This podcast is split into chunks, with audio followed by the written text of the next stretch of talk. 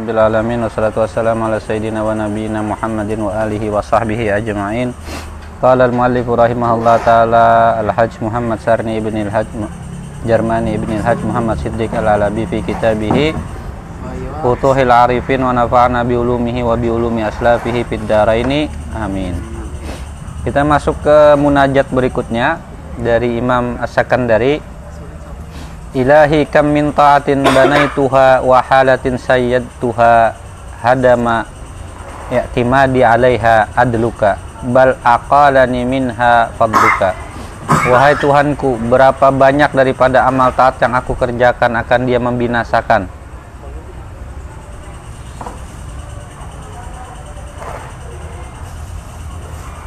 Membinasakan berpegang kuasanya oleh keadilanmu. Tetapi melepaskan bal aqalani minha fadluka. Tetapi melepaskan aku daripadanya oleh kelebihanmu.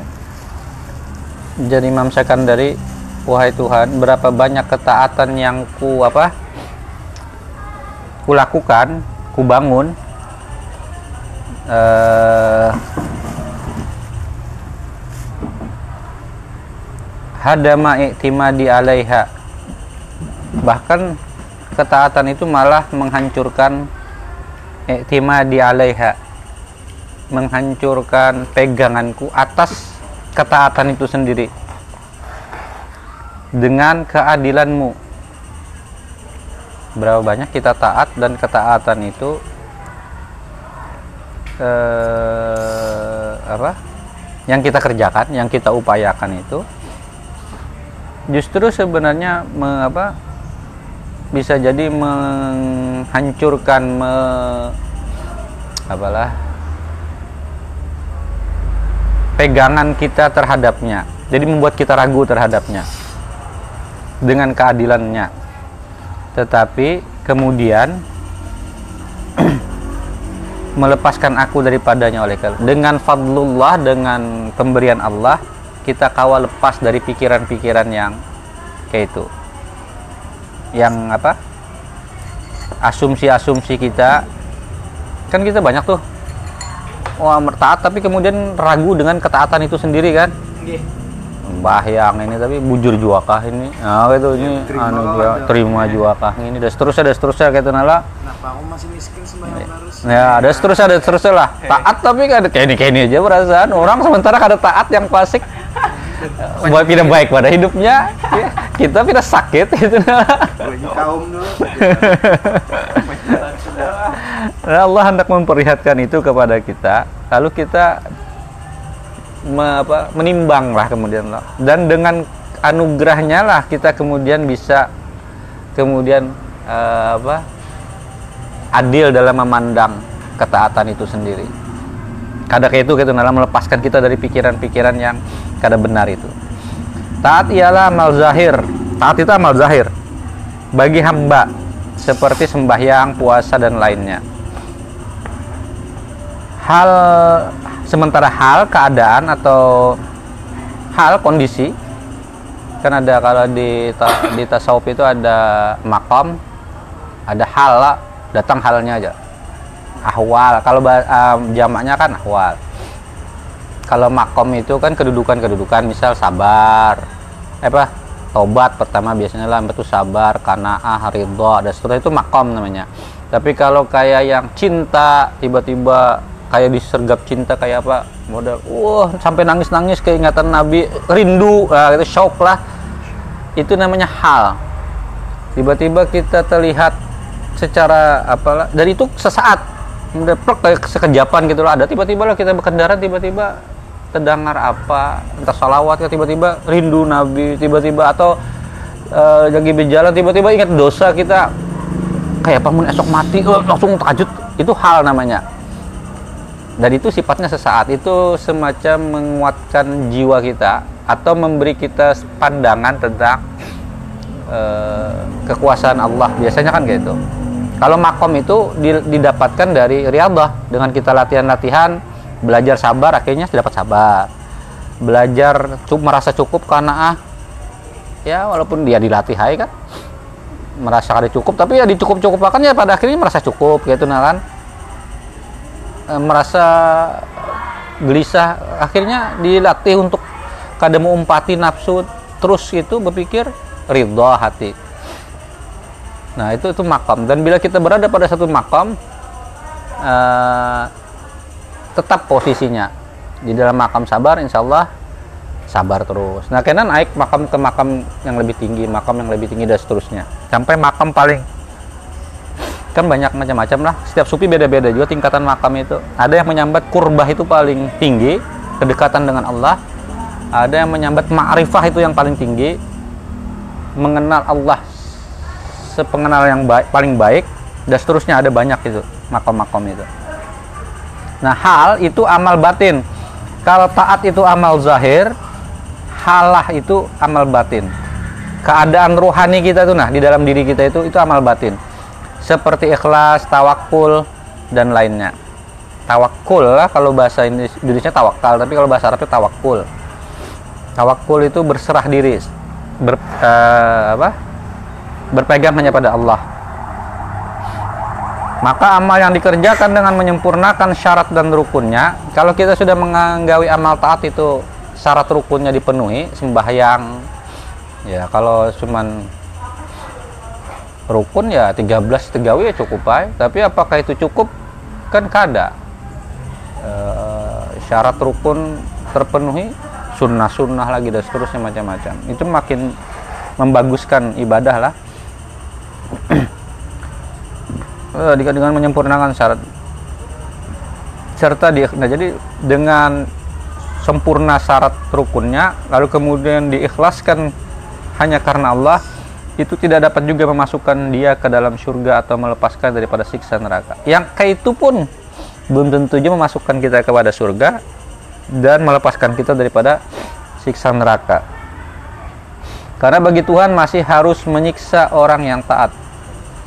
Orang yang taat maksudnya diuji lah. Orang yang taat itu diuji. Pada depan orang lalu taat lalu anu apa bebas dah. Bebas gitu lah kita ya diuji. Apa hasil betul apa kayak gitulah. Bahasa lah bahasa Quran itu kan apa hasil betul apakah kalian kira kalian di, e, mengucapkan aku beriman lalu kalian kada pernah diuji lagi? Kada kayak itu juga. Selalu diuji. Nah ketika diuji itu kan macam-macam pikiran lah bujur juga kah yang ku gawe ini bujur juga kah? Ada Tuhan nih yang ku sembah-sembah nih tapi kadang melepaskanku dari bala dan seterusnya kayak gitu kan itu kan muncul loh di dalam kita hendak istiqomah taat nah. Bujur juga kan ngaji nih gitu. Seterusnya kayak ini aja. Nggak paham kada juga aku. Malah bingung iya. Nah, ini pas kekumpulan orang harap paling pintar. Eh, tanpa disadari kadang-kadang kan kayak itu lah dan yang memasukkan ke dalam surga ialah kelebihan dan kemurahan Allah. Nabi kan pernah ditanya, apakah orang masuk surga karena amal, karena ketaatannya? Kada aja Nabi.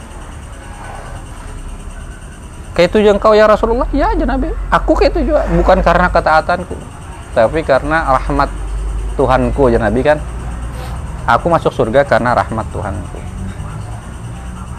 Maka hamba itu diperintah mengerjakan amal taat itu perintah lah bahasanya lah itu bukan pilihan Ikam sembahyang itu bukan pilihan. Kalau ajar masuk surga karena rahmat.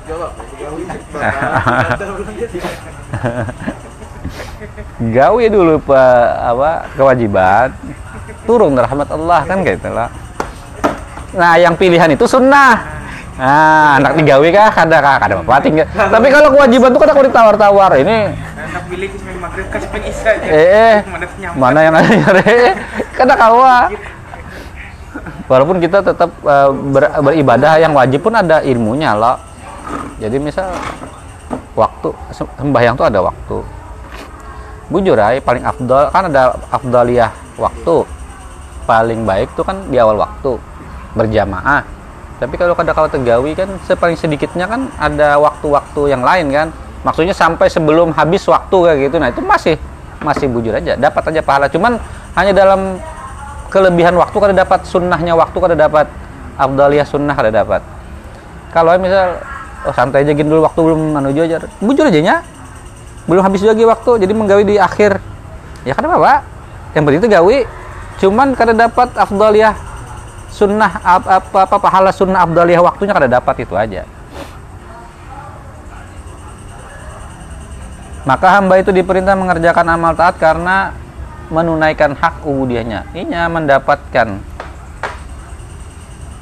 perintah dan kemudian mengerjakannya itu dalam rangka menunaikan hak ubudiyahnya, hak penghambaannya kepada Allah. hak itu artinya kenyataan lah, kenyataan yang hakiki.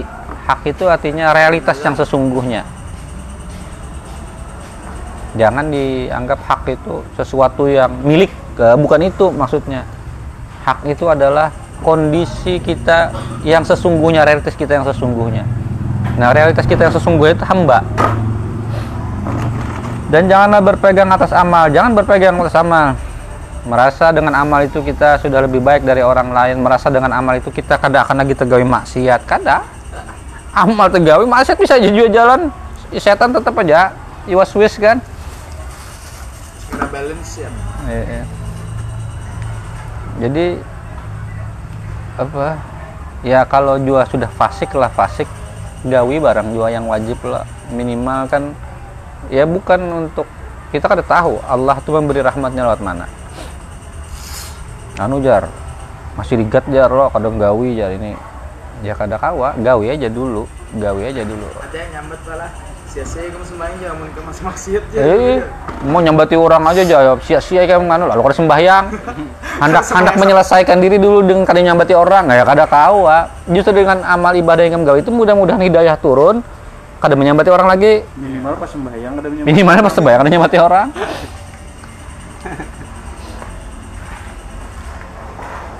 jadi itu itu kewajiban. Kewajiban yang kewajiban itu sebenarnya adalah hak ubudiyah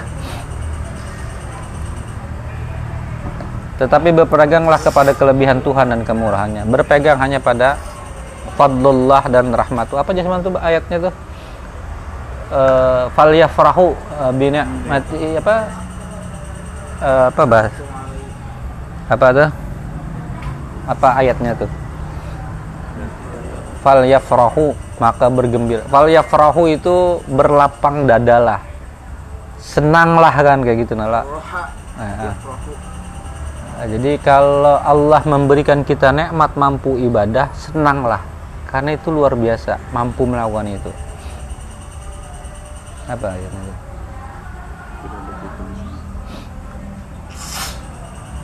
Iya. Ilahi anta ta'lam wa illam tudimat wa lam wa illam tadumit ta'ah minni fi'lan azman faqad damat mahabbatan wa azman. Wahai Tuhanku, Engkau mengetahui anta ta'lam. Sekalipun tidak berkekalan daripadaku mengerjakan taat, sesungguhnya berkekalannya kecintaan dan cita-cita. Ilahi kaifa a'zim wa antal gahir wa kaifa la a'zim wa antal amir. Wahai Tuhanku, bagaimana aku mencipta sedang Engkau mengerasi? Bagaimana mampu aku berazam menghendaki sesuatu padahal Engkaulah zat yang maha memaksa, yang mengerasi. Dan bagaimana pula aku tiada mencipta, tidak berazam, tidak bercita-cita, tidak ber apa ingin melakukan sesuatu yang baik sedang Engkau memerintah. Padahal itu adalah perintahmu. Jadi di mana sih azam kita itu? Cita-cita kita tuh di mana? Andakannya. Azam itu kan apa? Keinginan. Keinginan yang kuat kayak itulah, keinginan yang kuat untuk melakukan satu kebaikan. Ya kadang tegawi, kadang kada kan gitu lah. Hendak budi itu mas. Azam masih.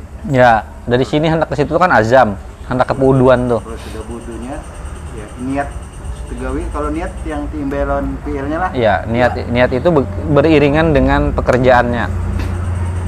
Kalau hanya hendak itu azam namanya. Nah, makanya di dalam Syafi'iyah terutama Imam Nawawi itu menekankan soal niat. Karena kada cukup kalau Muhammadiyah kan eh kada perlu dilafaskan. cukup dalam hati ada lagi buhan Hanafi bahkan kada perlu diucapkan kada perlu di ini dengan bergerak ke situ tuh sudah niat dinya tapi ada di sapi itu kan kalau yang soal niat definisi itu kan postusain muktarin di peli ya. Ya bimbayan eh, eh. jadi karena mungkin dari sapi gitu manggilnya kalau ya kan Syafi'i. Syafi'i itu menekankan lafaz. Nawaitu nah itu tuh itu lafaz itu sunnah lah. Niat itu kan sekali lagi tetap Iya. yang di dalam hati Eh, yang pas dusain tadi. Yang muktarinun yang beriringan antara ketika jatuh air di, di wajah itulah jatuh niat kan. Eh, kehendak membersihkan diri dan ba, apa banyunya tuh membersihkan. Nah itu itu niat namanya. Tapi lafaz itu sunnah. Tapi Nawawi sangat menekankan pentingnya lafaz itu. Mungkin karena meyakin supaya meyakinkan lagi wala supaya ini mendorong. Karena kita kadang-kadang sudah ada azam ada keinginan bisa jadi di tengah jalan ini sudah ke situ tiba-tiba ada telepon berbunyi terjadi hmm. kan atau kawan memandiri hendak hendak ini ada kawan mandiri jadi kayak bisa. Nah harus itu dikuatkan dikuatkan terus. Dikuatkannya apa? Dengan terus menjaga niat dengan melafazkan niat. Karena itu terus kemudian mem- apa secara lisan ini me- lisan ini kan mengantarkan pemahaman ke dalam pikiran lah pikiran lalu menyimpan lalu turun ke bawah sadar. Bawah sadar menjaga kita terus untuk berusaha eh, apa melakukan. Bawah sadar itu yang menggerakkan. Tapi prosesnya kayak itu tadi. Lafaz eh, apa yang ada di hati itu eh, itulah kejadian sesungguhnya. Masuk ke dalam pikiran pikiran masuk ke dalam bawah sadar. Ya tadi engkau mengetahui wahai Tuhan engkaulah yang maha mengetahui wa ilam tadumit ta'ah minni fi'lan azman. Sekalipun tidak berkekalan daripadaku mengerjakan taat. Sesungguhnya berkekalannya kecintaan dan cita-cita. Engkau yang lebih tahu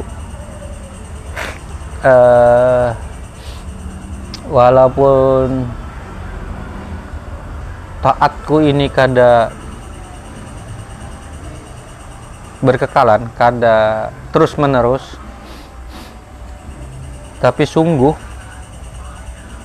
mahabbatan azman kecintaan dan keinginanku itu pun aku udah tahu sebenarnya. Engkau lebih tahu kan kayak itu bahasanya. Mungkin saja kita taat tapi sebenarnya kada ada mahabbah kada ada azam di dalam hati kita. Mungkin aja itulah masalahnya kita kemudian lalu bertanya-tanya tentang apakah bujur sudah. Karena kada ada mahabbah kada ada azam di dalam hati. Kaifa azimu antal kahir bagaimana aku mampu bercita-cita padahal engkau lah yang mengerasi? Kada pernah kita ini mampu bercita-cita kecuali itu sebenarnya Allah lah yang kahir Allah lah yang mengerasi kita. Kalau kada Allah yang mengerasi kita kada muncul keinginan di dalam hati kita untuk melakukan sesuatu yang baik itu nala lalu kalau kita merasa kita mampu dengan niat dengan niat bahasanya kasat lah dengan maksud tertentu melakukan kebaikan pada hakikatnya sebenarnya Allah lah yang menuntun gitu nala Oh, bisikan ilahiyah Iya, khatir khatar ilahi namanya. Khatarnya kan khatar itu bisikan lah, bas. Khatar itu bisikan. Dari Imam Ghazali, khatar itu ada empat. Eh, iyalah. Ya, jar, jarano, jarano, al kushairi khatar itu empat. Khatar itu ya, jadi kalau bahasa Indonesia jadi khawatir. Apa? was-was Bukan, khatir itu bisikan, bisikan. Kilatan pikiran di dalam di dalam benak tuh nah itu itu khatir namanya.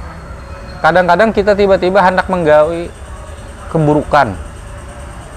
Itu namanya khatar, khatir. Kalau hendak menggawi keburukan itu yang untuk diri sendiri fahsya itu khatir dari nafs, nafsu kita. Alhamdulillah. Kalau ini menggawi maksiat, mungkarat itu namanya khatir setani itu dari setan eh gawi eh gawi ini eh gawi. Kalau kalau ini menggawi sesuatu ini digawi lalu kemudian kadang mencerakakan orang tapi merusak ke diri sendiri. Nafsu. Nafsu. Itu itu khatir nafsan naf, nafsani namanya. Nah kalau yang menggiring kita kepada keburukan itu syaitan nah kalau menggiring kita kepada kebaik kebaikan itu khatir malaki namanya. Malaikat. Tapi di dalam khatir-khatir itu kita masih bisa memilih. Gawikah kadakah lalu ketika ada bisikan menggawi fahsya kita kadang menggawi itu kita kan artinya lolos. Lalu niat ya bahasanya niat lagi pada kasat lah. Kasat itu kan kadang dihitung. Bahkan dihitung satu kebaikan kan? Kita kawa kadang menggawi pikiran buruk kita itu sudah satu kebaikan. Nah kalau kita ada niat baik terus kemudian kita gawi kan 10 nilainya lah. Niat baik itu sendiri sudah satu kebaikan. Ada namanya khatir ilahi namanya khatir ilahi itu ikam langsung inya ter, terbersit di kepala ikam gawi kebaikan langsung ikam menggawi kebaikan. Jadinya menggiring. Kadang memberikannya kahir Allah itu kan kahar lah. Jadinya kadang memberikan kesempatan untuk menimbang. Di bawahnya langsung. Itu namanya khatir ilahi. Jadi kalau ada niat tiba-tiba gawe itu namanya khatir ilahi. Tapi kalau ada niat baik tapi kada tegawi masih berpikir-pikir itu malaki malaikat yang membisiki tapi kalau ada niat buruk menjahati orang itu setan yang masuki. Dan itu masih bisa di, dilawan. Yang paling buruk itu kan sebenarnya yang nafsani itu naps, nap, ya nafsani. Nafas itu nafsu kita itu. Itu harus benar seakan-akan kita bisa kelihatannya baik tapi sebenarnya di dalamnya buruk benar itu itu lebih bagawat daripada yang setan fitnah setan ulang malah batu gaul fitnah setan ulang eh. Setan pula disalahkan lah sudah yang enggak yang ano yang sembunyi nafsu kita yang menyu yang menggiring setan yang disalahkan.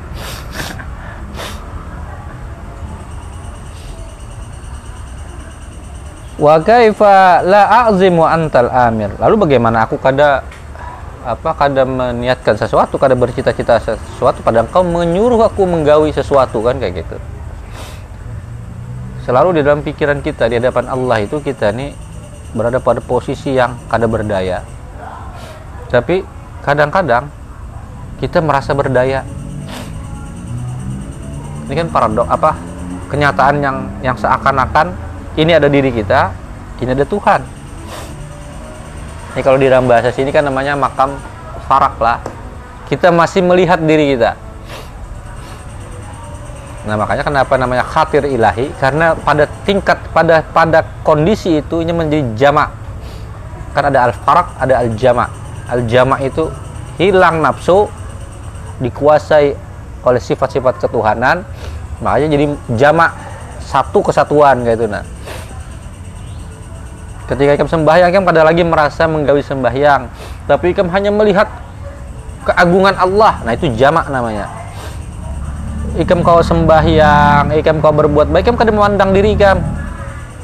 Kalau masih memandang ke diri itu kan oh kau anda menggawi ini kau. Itu kan masih melihat dua hal gitu adalah aku mampu ada menggawi apa yang diperintahkan Tuhan. Pada sebenarnya kita mampu itu pun atas kuasa Tuhan juga sebenarnya.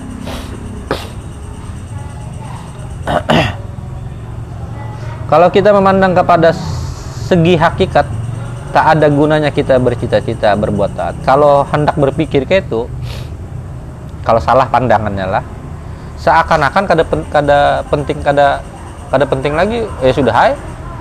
Allah aja yang mengerasi jarlah, Allah aja yang maha memaksa, ya sudah hai. Pasrah ada menggawi ah, bukan kayak itu juga. Itu kan kalau di dalam pemikiran bahari itu namanya apa? Apa? Jabariyah lah. Jabariyah pasrah sepenuhnya kepada Allah. Kada bisa kayak itu. Yang sebaliknya kan anu apa? Qadariyah. Merasa diri yang mampu melakukan segala hal. Itu Qadariyah namanya. Nah halus sunnah wal jamaah menggabungkan dua hal ini di antara Jabariyah dan Qadariyah. Diri ini berupaya tapi hasilnya Allah yang menentukan. Itu tuh yang paling jalan tengah sudah. Kita mampu berusaha, tapi hasil bukan kita yang menentukan. Tapi kalau kita merasa dengan upaya kita kita berhasil, itu kadariyah namanya, merasa diri mampu.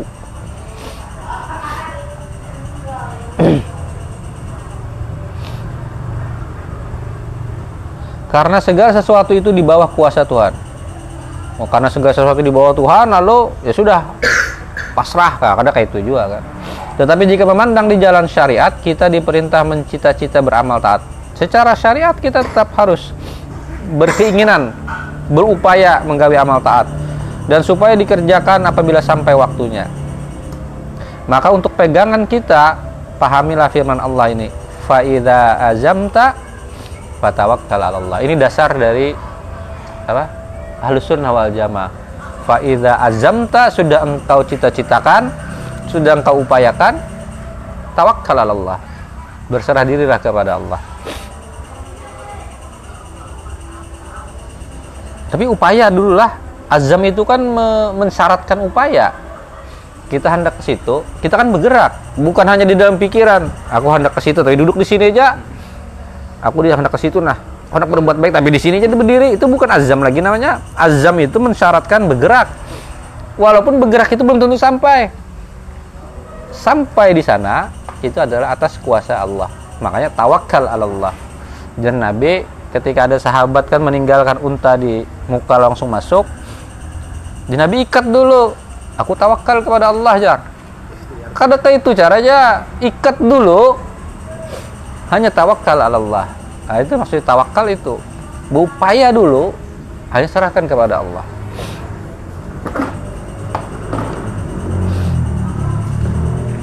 yang maksudnya azam itu mesti berdahulu ada pada kita, kemudian dalam melaksanakannya mintalah bimbingan. Jadi kayak itulah ada dulu keinginan di dalam diri, lalu serahkan minta bimbingan kepada Allah. itu namanya azam. Itu namanya azam fatawakkal Allah. Azam dan tawakal kepada Allah. Ilahi taraddudi fil athar yujibu bu'dal mazarar. Bu'dal mazari. Fajma'ni alaika bi khidmati tusiluni ilaika. Wahai Tuhanku berulang-ulang aku pada asar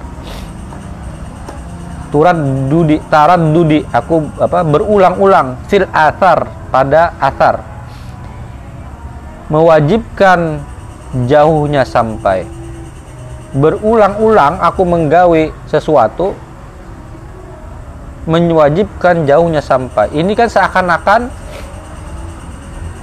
berarti mengulang-ulang ini kan sampai-sampai lah.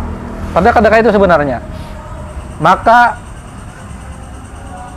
maka fajma'ni maka himpunilah aku atasmu dengan berkhidmat yang menyampaikan aku kepadamu. Ulun ini menggawi berulang-ulang seakan-akan dengan berulang-ulang. Diulang sampai-sampai. Maka ya Allah fajma'ni. Apa? Fajma'ni itu apa? Jamaklah aku. Apa? Aku ini ya kumpulkanlah aku di dalam kehendakmu di dalam kuasamu dengan berkhidmat dengan melakukan sesuatu yang menyampaikan aku kepadamu. Itu kan minta tolong lah. Kita ini berusaha berbuat baik dan di dalam berbuat baik itu kita minta tolong terus. Karena kalau hilang sudah apa apa kesadaran untuk meminta tolong itu yang muncul kan akunya loh makanya untuk menjaga juga supaya akunya ditekan terus teruslah meminta makanya ya Allah udu'uni udu'uni astajib lakum suruh berdoa tuh itu. Pada tahu aja sudah. Kita ini berdoa kada berdoa Allah pasti sampaikan kita kepada yang telah ditentukannya di alam azali sana kan? Tapi kita tetap disuruh berdoa. Dengar ulang lah iya. Yang di dalam kadusa yang kamu muntung kami sampaikan di dalam hati kami tergerak sesuatu kan Allah tahu tapi kenapa kita masih disuruh meminta? Yaitu untuk kita sadar terus bahwa kita ini hamba yang lemah. Jadi dikuatkan terus. Kalau kada karena muncul akunya setan masuk. Nah itu bahayanya asar itu ya mukawanat. Apa itu asar? Mukawanat segala ciptaan. Musannif mengakui diri masih bertali dan bersandar kepada mukawanat. Imam Ibnu Athaillah Sakandari dengan munajatnya ini uh, menyadari bahwa dirinya ini masih apa masih terikat dengan dunia ini. Yang demikian menjauhkan sampai kepada Allah dan itu membuatnya jauh daripada Allah. Maka ia memohon kepada Tuhan supaya mendapat bimbingan daripadanya dengan amal taat yang menyampaikan kepadanya. Maka sebaiknya seperti yang Imam Asakan dari terus meminta bimbingan, kita ke itu meminta terus bimbingan. Bahkan di dalam taat itu pun kita meminta terus. Supaya jangan apa? Yuwaswis ini jangan mengganggu kita. Siapa supaya hilang dari was-was? Ya dengan minta tolong kepada Allah. Kita ada kawa kalau sudah was was-was itu datang ya datang aja nya. Masalahnya kepada minta pertolongan.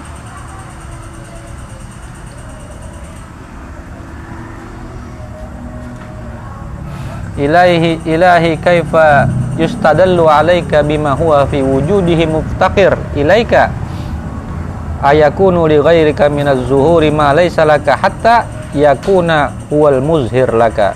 Mata ghibta hatta yahtaja ila dalilin yadullu alaika wa mata ba'utta hatta takuna al-atharu hiya allati tusilu ilaika wahai Tuhanku bagaimana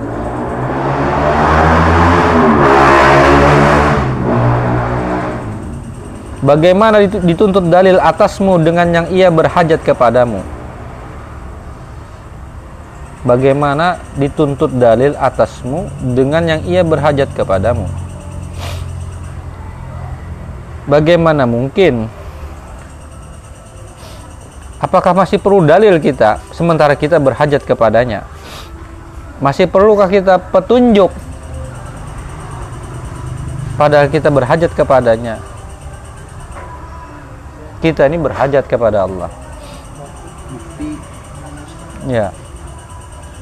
Kada perlu kada perlu minta dalil untuk sesuatu yang kita berhajat kepadanya. Atau adakah bagi selain engkau daripada kezahiran barang yang tiada bagimu?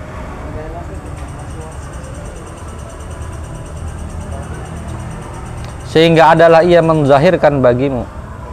Perlukah sesuatu selain engkau untuk menunjukkan dirimu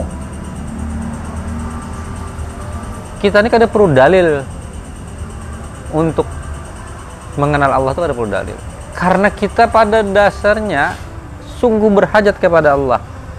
Bagaimana sesuatu yang diwujudkan Allah ini menjadi dalil untuk sesuatu yang mewujudkannya. Lah. Ya mungkin ya dalam proses kita nih menuju Allah ya kita perlu dalil lah. Langit dan bumi ini ada penciptanya dalil lah ini dalil. Dalil apa ini namanya? Dalil ayat ayat kauniyah lah. Kalau dalil Quran dalil ayat anunya ya Quran banyak lah kita perlu dalil untuk untuk sampai kepada Allah bujur. Tapi kalau sudah berhadapan-hadapan dengan Allah ini sementara kita ini apa berhajat kepadanya apakah perlu dalil? Dan bagaimana mungkin sesuatu yang diciptakan mampu menunjukkan untuk ia yang menciptakan ini nih kan dihadirkan Allah juga untuk menunjukkan siapa dirinya. Lalu pentingkah ini? Mana penting ini atau penting ini? Di dalam makam kehambaan yang hakiki kita tuh kada perlu dalil lagi. Karena kita ini sudah berhadap-hadapan dengannya. Kita ini berhajat kepadanya. Kan kita semalam apa? Fakir kita hina kita lemah. Sudah sampai pada kesadaran itu kita kada perlu dalil lagi karena itu cukuplah kebodohan kita ini menjadi dasar bahwa kita apa percaya pada zat yang maha pintar yang zat yang maha menguasai dan seterusnya itu. Tapi ini bukan berarti sekali lagi kita kada perlu dalil-dalil yang kita baca itu kada perlu. Itu tetap perlu di dalam mendorong kita ini untuk bergerak terus kepadanya lah. Tapi ketika sudah berhadapan dengannya tuh nah apa perlu lagi semua itu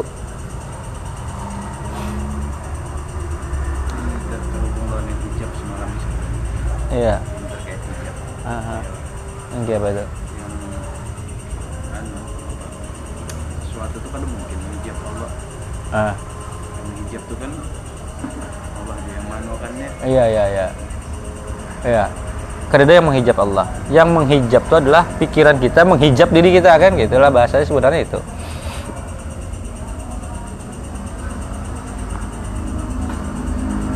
Manakala engkau gaib sehingga engkau berhajat kepada dalil yang menunjuki atasmu dan manakala engkau jauh sehingga adalah atar dia yang menyampaikan kepadamu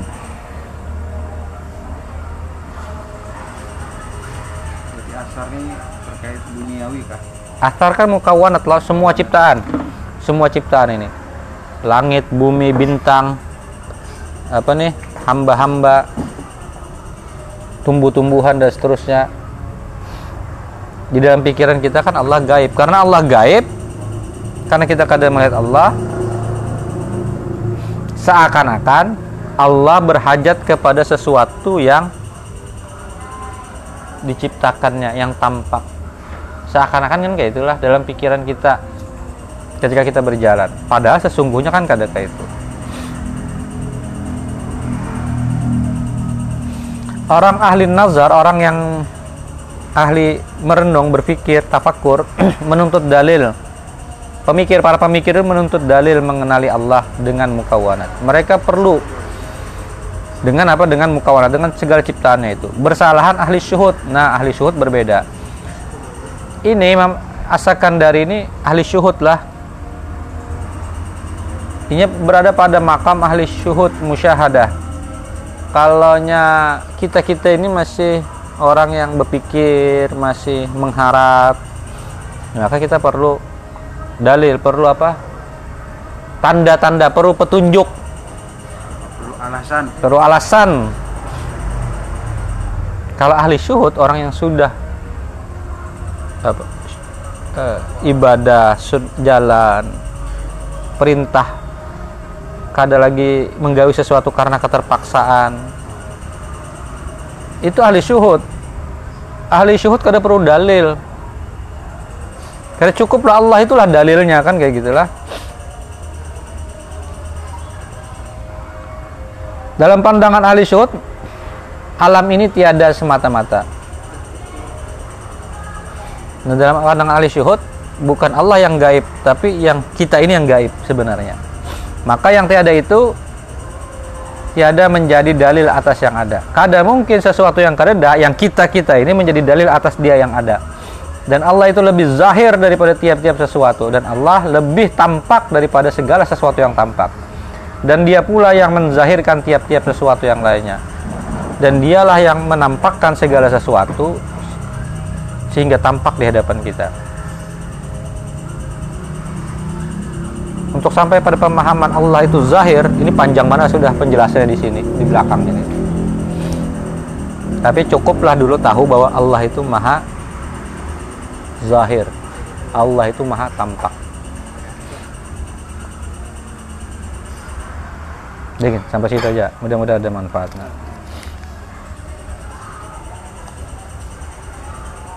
Kita masuk ke Fatur Rahman. Bismillahirrahmanirrahim. Alhamdulillah rabbil alamin wassalatu wassalamu ala sayyidina Muhammad wa ala alihi wa sahbihi wasallim. Qala al-muallif rahimahullah taala Syekh Muhammad Arsyad ibni Abdullah al-Banjari fi kitabih Fathir Rahman bi syarhi Risalatil Wali Raslan wa nafa'ana bi ulumihima wa bi ulumi aslafihima fid daraini amin wa tauhidu huwa hukmuka wa ilmuka biwahdaniyat biwahdaniyatillah taala. Tauhid itu adalah hukummu. Hukummu itu apa artinya? Mematuhi hati pada segala perbuatan hati yang ia ingat hat- hanya ya.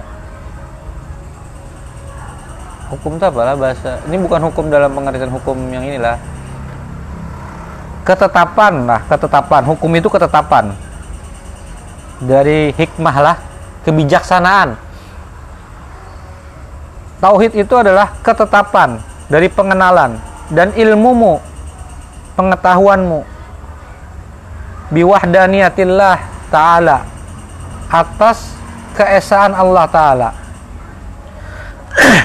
Yang ia muta'alliqatun bil kasfi ay bi kasfillah yang itu inya berapa? Bergantung kepada kesad- kesadaran ruhani uh, kasyaf. Kasyaf itu apa? Terbukanya pikiran terbukanya hati. Jadi jangan pandang kasyaf itu hanya soal-soal melihat yang aneh-aneh. Kasyaf itu kesadaran itu kasyaf.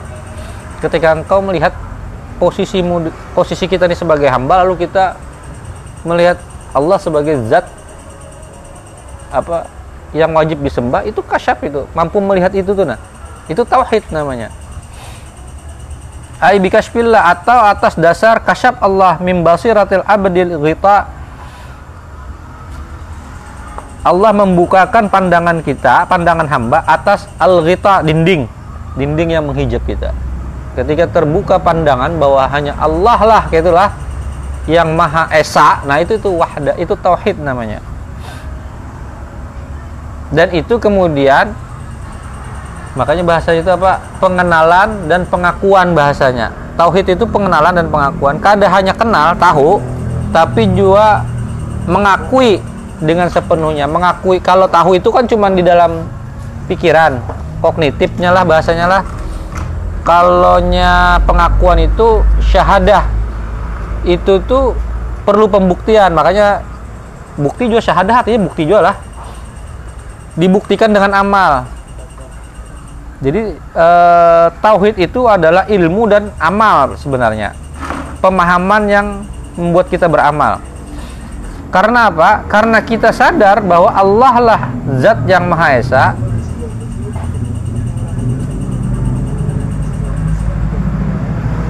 Yang ia membukakan pandangan-pandangan kita daripada dari yang selainnya.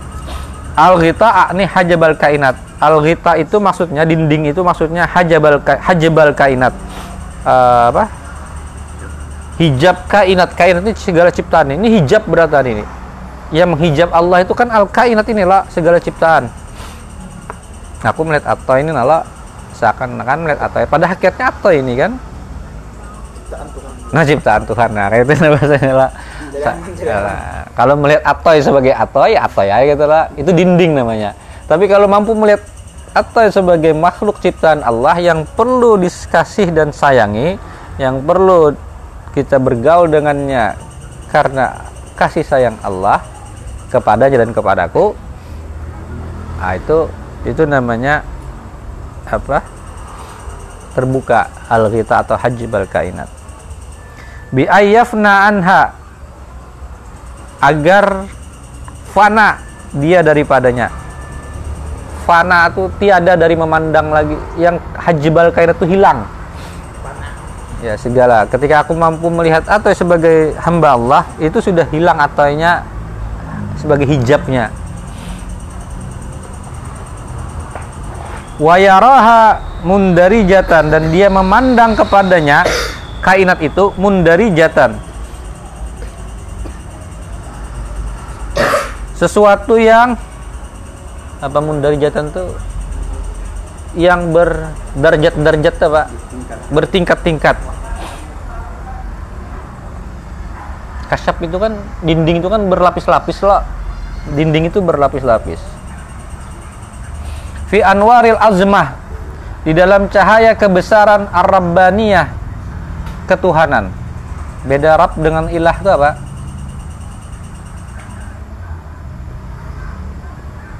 Apa dan? Bedanya roh dan ilah. Apa?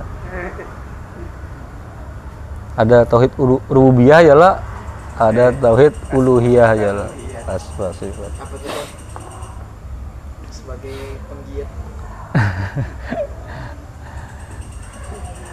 Ar-Rabbani itu kan eh, Ar-Rabbani itu kesadaran ketuhanan, kesadaran bahwa Allah lah yang memelihara semua kainat ini.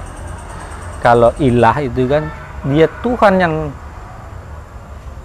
yang disembah. Dia Tuhan.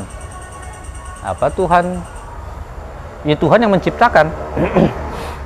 ar-rabbaniyah yang memelihara kalau di dalam tradisi Hindu kan dibaginya nih loh ini yang mencipta ini yang memelihara ini yang menghancur dan mencipta ulang. Nah, kalau kita kadang memandang ke itu semuanya itu di satu di, di dalam dirinya kan kayak gitu loh. Kalau ini kan karena kita hendak memisah-misahkan dengan pikiran kita yang terbatas lalu ada yang mencipta aja lalu ada yang memelihara aja lalu ada yang menghancur aja seakan-akan itu berbeda-beda zatnya padahal kada kalau di dalam Islam hanya satu aja. Dialah yang mencipta dialah yang memelihara dialah yang menghancur untuk mencipta mentata ulang.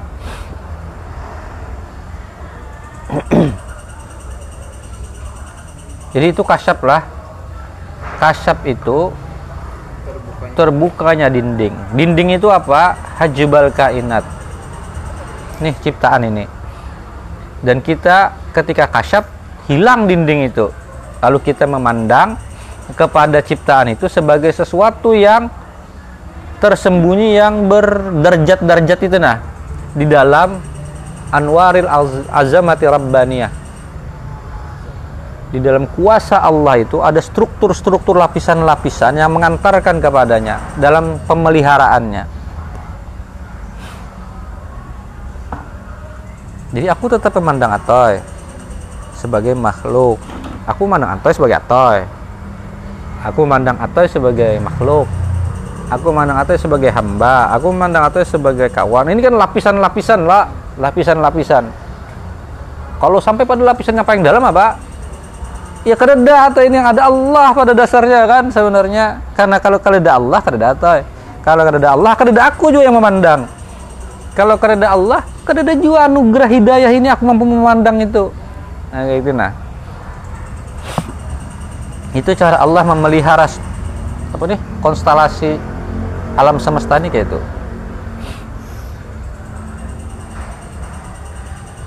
Wal kashfu salasah kasyaf itu ada, ada tiga. Terbuka pembukaan itu ada tiga. Kashfu nafsin. Kasyaf naf, nafas nafsu. Wa kashfu qalbin. Kasyaf hati. Wa kashfu sirrin kasab rahasia.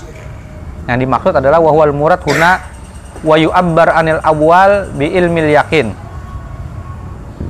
Yang dimaksud dengan kasfusir kasfusir eh tiga ini adalah ilmu yakin. Wahwal murad eh, wahwa berarti kasfusirin lah. Ini adalah eh, yang di, yang dicontohkan dengan ilmu yakin oh.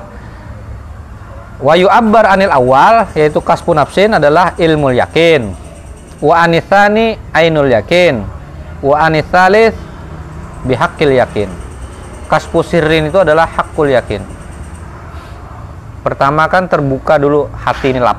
Terbuka dada kita ini terbuka lalu kita mampu melihat karena lapangnya hati kita jernih pikiran kita kita mampu memandang segala sesuatu pada apa pada hakikatnya yang sesungguhnya. Mampu memandang itu dulu. Itu namanya ilmu yakin. Muncullah keyakinan bahwa Allah itu ada. Kan kayak itulah lalu eh, karena memandang Allah itu ada eh, apa tingkatan berikutnya adalah terbukanya hati yang di dalam yang di dalam yang di dalam di dalam hati inilah. Iya, kasfu kalbin jadi yang pertama kasab nas, nafsi kasab jiwa. Jadi di, ji- jiwa ini nah, diri ini nah yang yang yang rendah itu terbuka lalu hati terbuka. Hanya yang ketiga rahasia yang di dalam hati itu terbuka itu tingkatannya seperti ilmu yakin ainul yakin hakul yakin. Dan itu bertahap lah pertama tahu dulu apa yang dimaksud al yakin. Maksudnya tahu Allah dalam pengertian yang sesungguhnya. Lalu kemudian hendak menuju kepada Allah di situlah kita melihat bukti-bukti kekuasaan Allah. Yakin kita kan? Dengan karena kita melihat dengan pikiran kita dengan pengalaman kita kita merasakan langsung. Dengan renungan-renungan kita kita melihat bahwa segala orbit tata ciptaan ini kan kadang mungkin bergerak kalau kadang ya yang, yang pertama kita tahu Allah lalu ketika kita melihat dan kita memikirkannya ini kan makin yakin kita kan ini namanya ainul yakin atau kita mengalaminya dengan pengalaman kita. Eh, apa Allah maha pengasih kita menga- mengalami ketika kita dalam keadaan susah Allah memberi kita.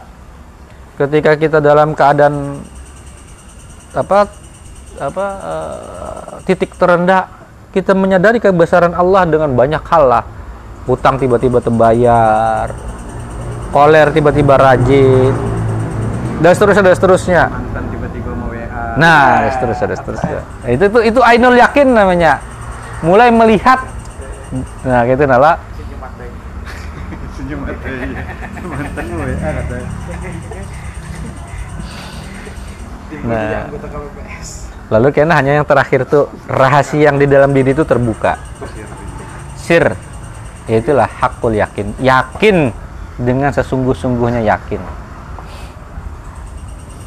Wasalah satu ulumun. Ketiganya adalah ilmu pada hakikatnya sebenarnya ilmu jua li'annaha aqsamul ilmi. Karena dia adalah bagian-bagian daripada ilmu. Pada dasarnya ini yang kita ketahui yang kita alami yang sungguh-sungguh ini pada dasar inilah ilmu. Ilmu yang sesungguhnya. Li annal ilma bi'tibari ma'lumihi. Karena ilmu itu bi'tibari ma'lumihi diibaratkan dengan sesuatu yang diketahuinya Alah, kita kan bertahap loh Nggih. untuk sampai pada anu itu dengan yang kita ketahui dulu kadang mungkin kita eh, kita kada kenal diberikan sesuatu yang asing kayak ini nala kada pernah belajar apa yang sifat 20 kada belajar ini tiba-tiba langsung dibejali ilmu. Harus yakinan Allah karena kawannya harus ada tibarnya ada contoh-contohnya jadi itu begamatan sesuai akalnya Ada proses ya. ada proses. Nah ini, ini kan karena bukan kamu sudah sampai di sini sudah dengarkan aja. Tapi ada tiba kayaknya begamatan di, dijalani juga lah. Inta Allah bidzati zahira fa ilmul yakin. Kalau ini terkait dengan sesuatu zat yang tampak itu namanya ilmu yakin. Au bidzatil batinah ilmul yakin. Sesuatu yang zat yang batin yang kada tampak yang tersembunyi itu namanya ilmu yakin. Au bil haqqi ta'ala dengan hak kekuasaan Allah maka itulah hakul yakin.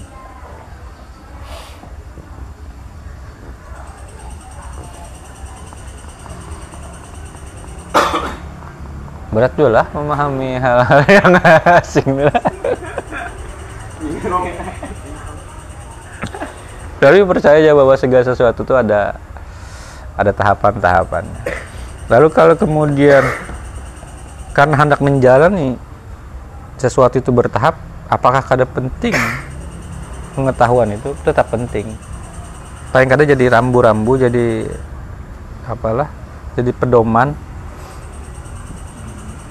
ketika ikam menjalaninya minimal itu jadi apalah kalau ikam apa don menggawi kebaikan itu rasa apa yang ada ini menyemangati lagi.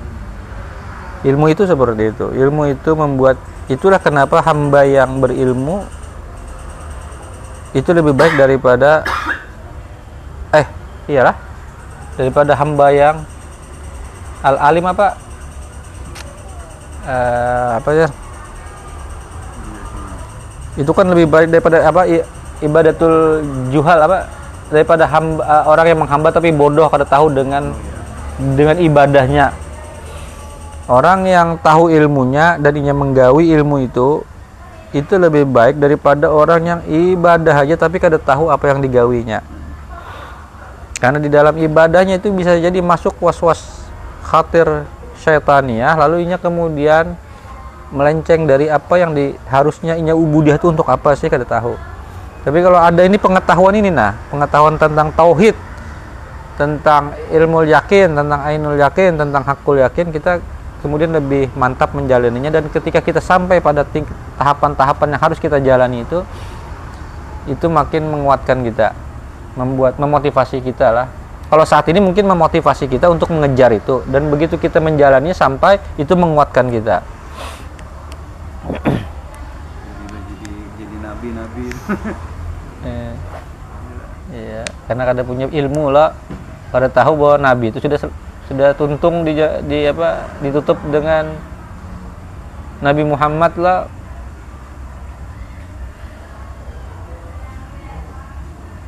wa alam anna lahum ma'al kasfi muhadaratan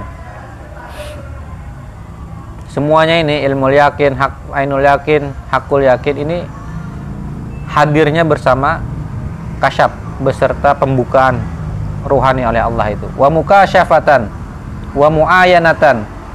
Dan itu adalah pertolongan atas dasar pertolongan Allah juga. Wa musyahadatan dan itu adalah musyahadah pengakuan.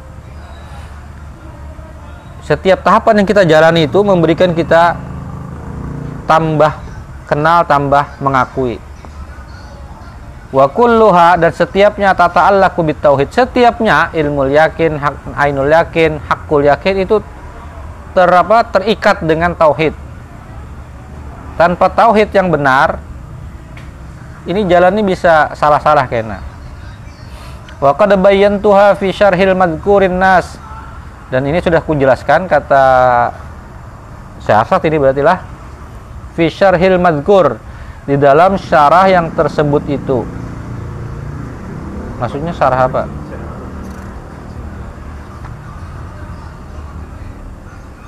Yang mana kali ingatnya ada tahu? Anna suta ihuna. Manusia itu hayawan. Ai jairuna. Jair apa jara. Artinya tercengang di sini. Jara itu orang berlari lah. Yang mengalir. Anil hak yang kalau di sini manusia itu hayawan mereka itu artinya tercengang. Mereka itu pada anil hak kita Allah pada hak Allah taala. Bitala bihim atas tuntutannya kepada mereka lahu bil akli tabi'i tabi'i.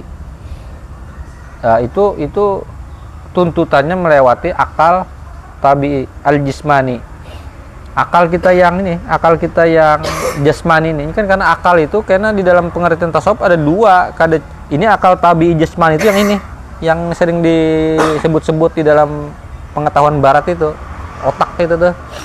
Kalau akal rohani bukan itu sebenarnya. Akal rohani itu lebih dalam. Ini ada di dalam kalab jadi antara akal jasmani dan kalbu itu di tengah-tengahnya itu ada namanya akal ruhani. Li'annahu binfiradihi mahjubun karena Allah itu binfiradihi dengan ketunggalannya mahjub terdinding.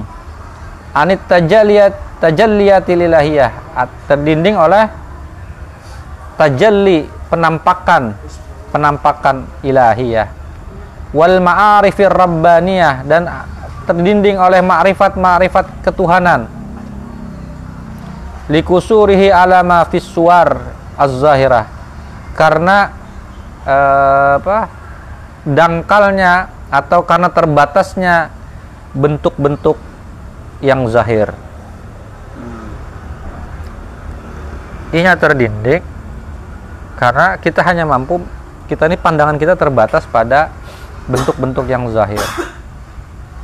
Min husnin wa qubhin wa khata'in daripada kebaikan. Kita ini kan mudahlah melihat kebaikan lalu percaya. Mudah melihat keburukan lalu percaya.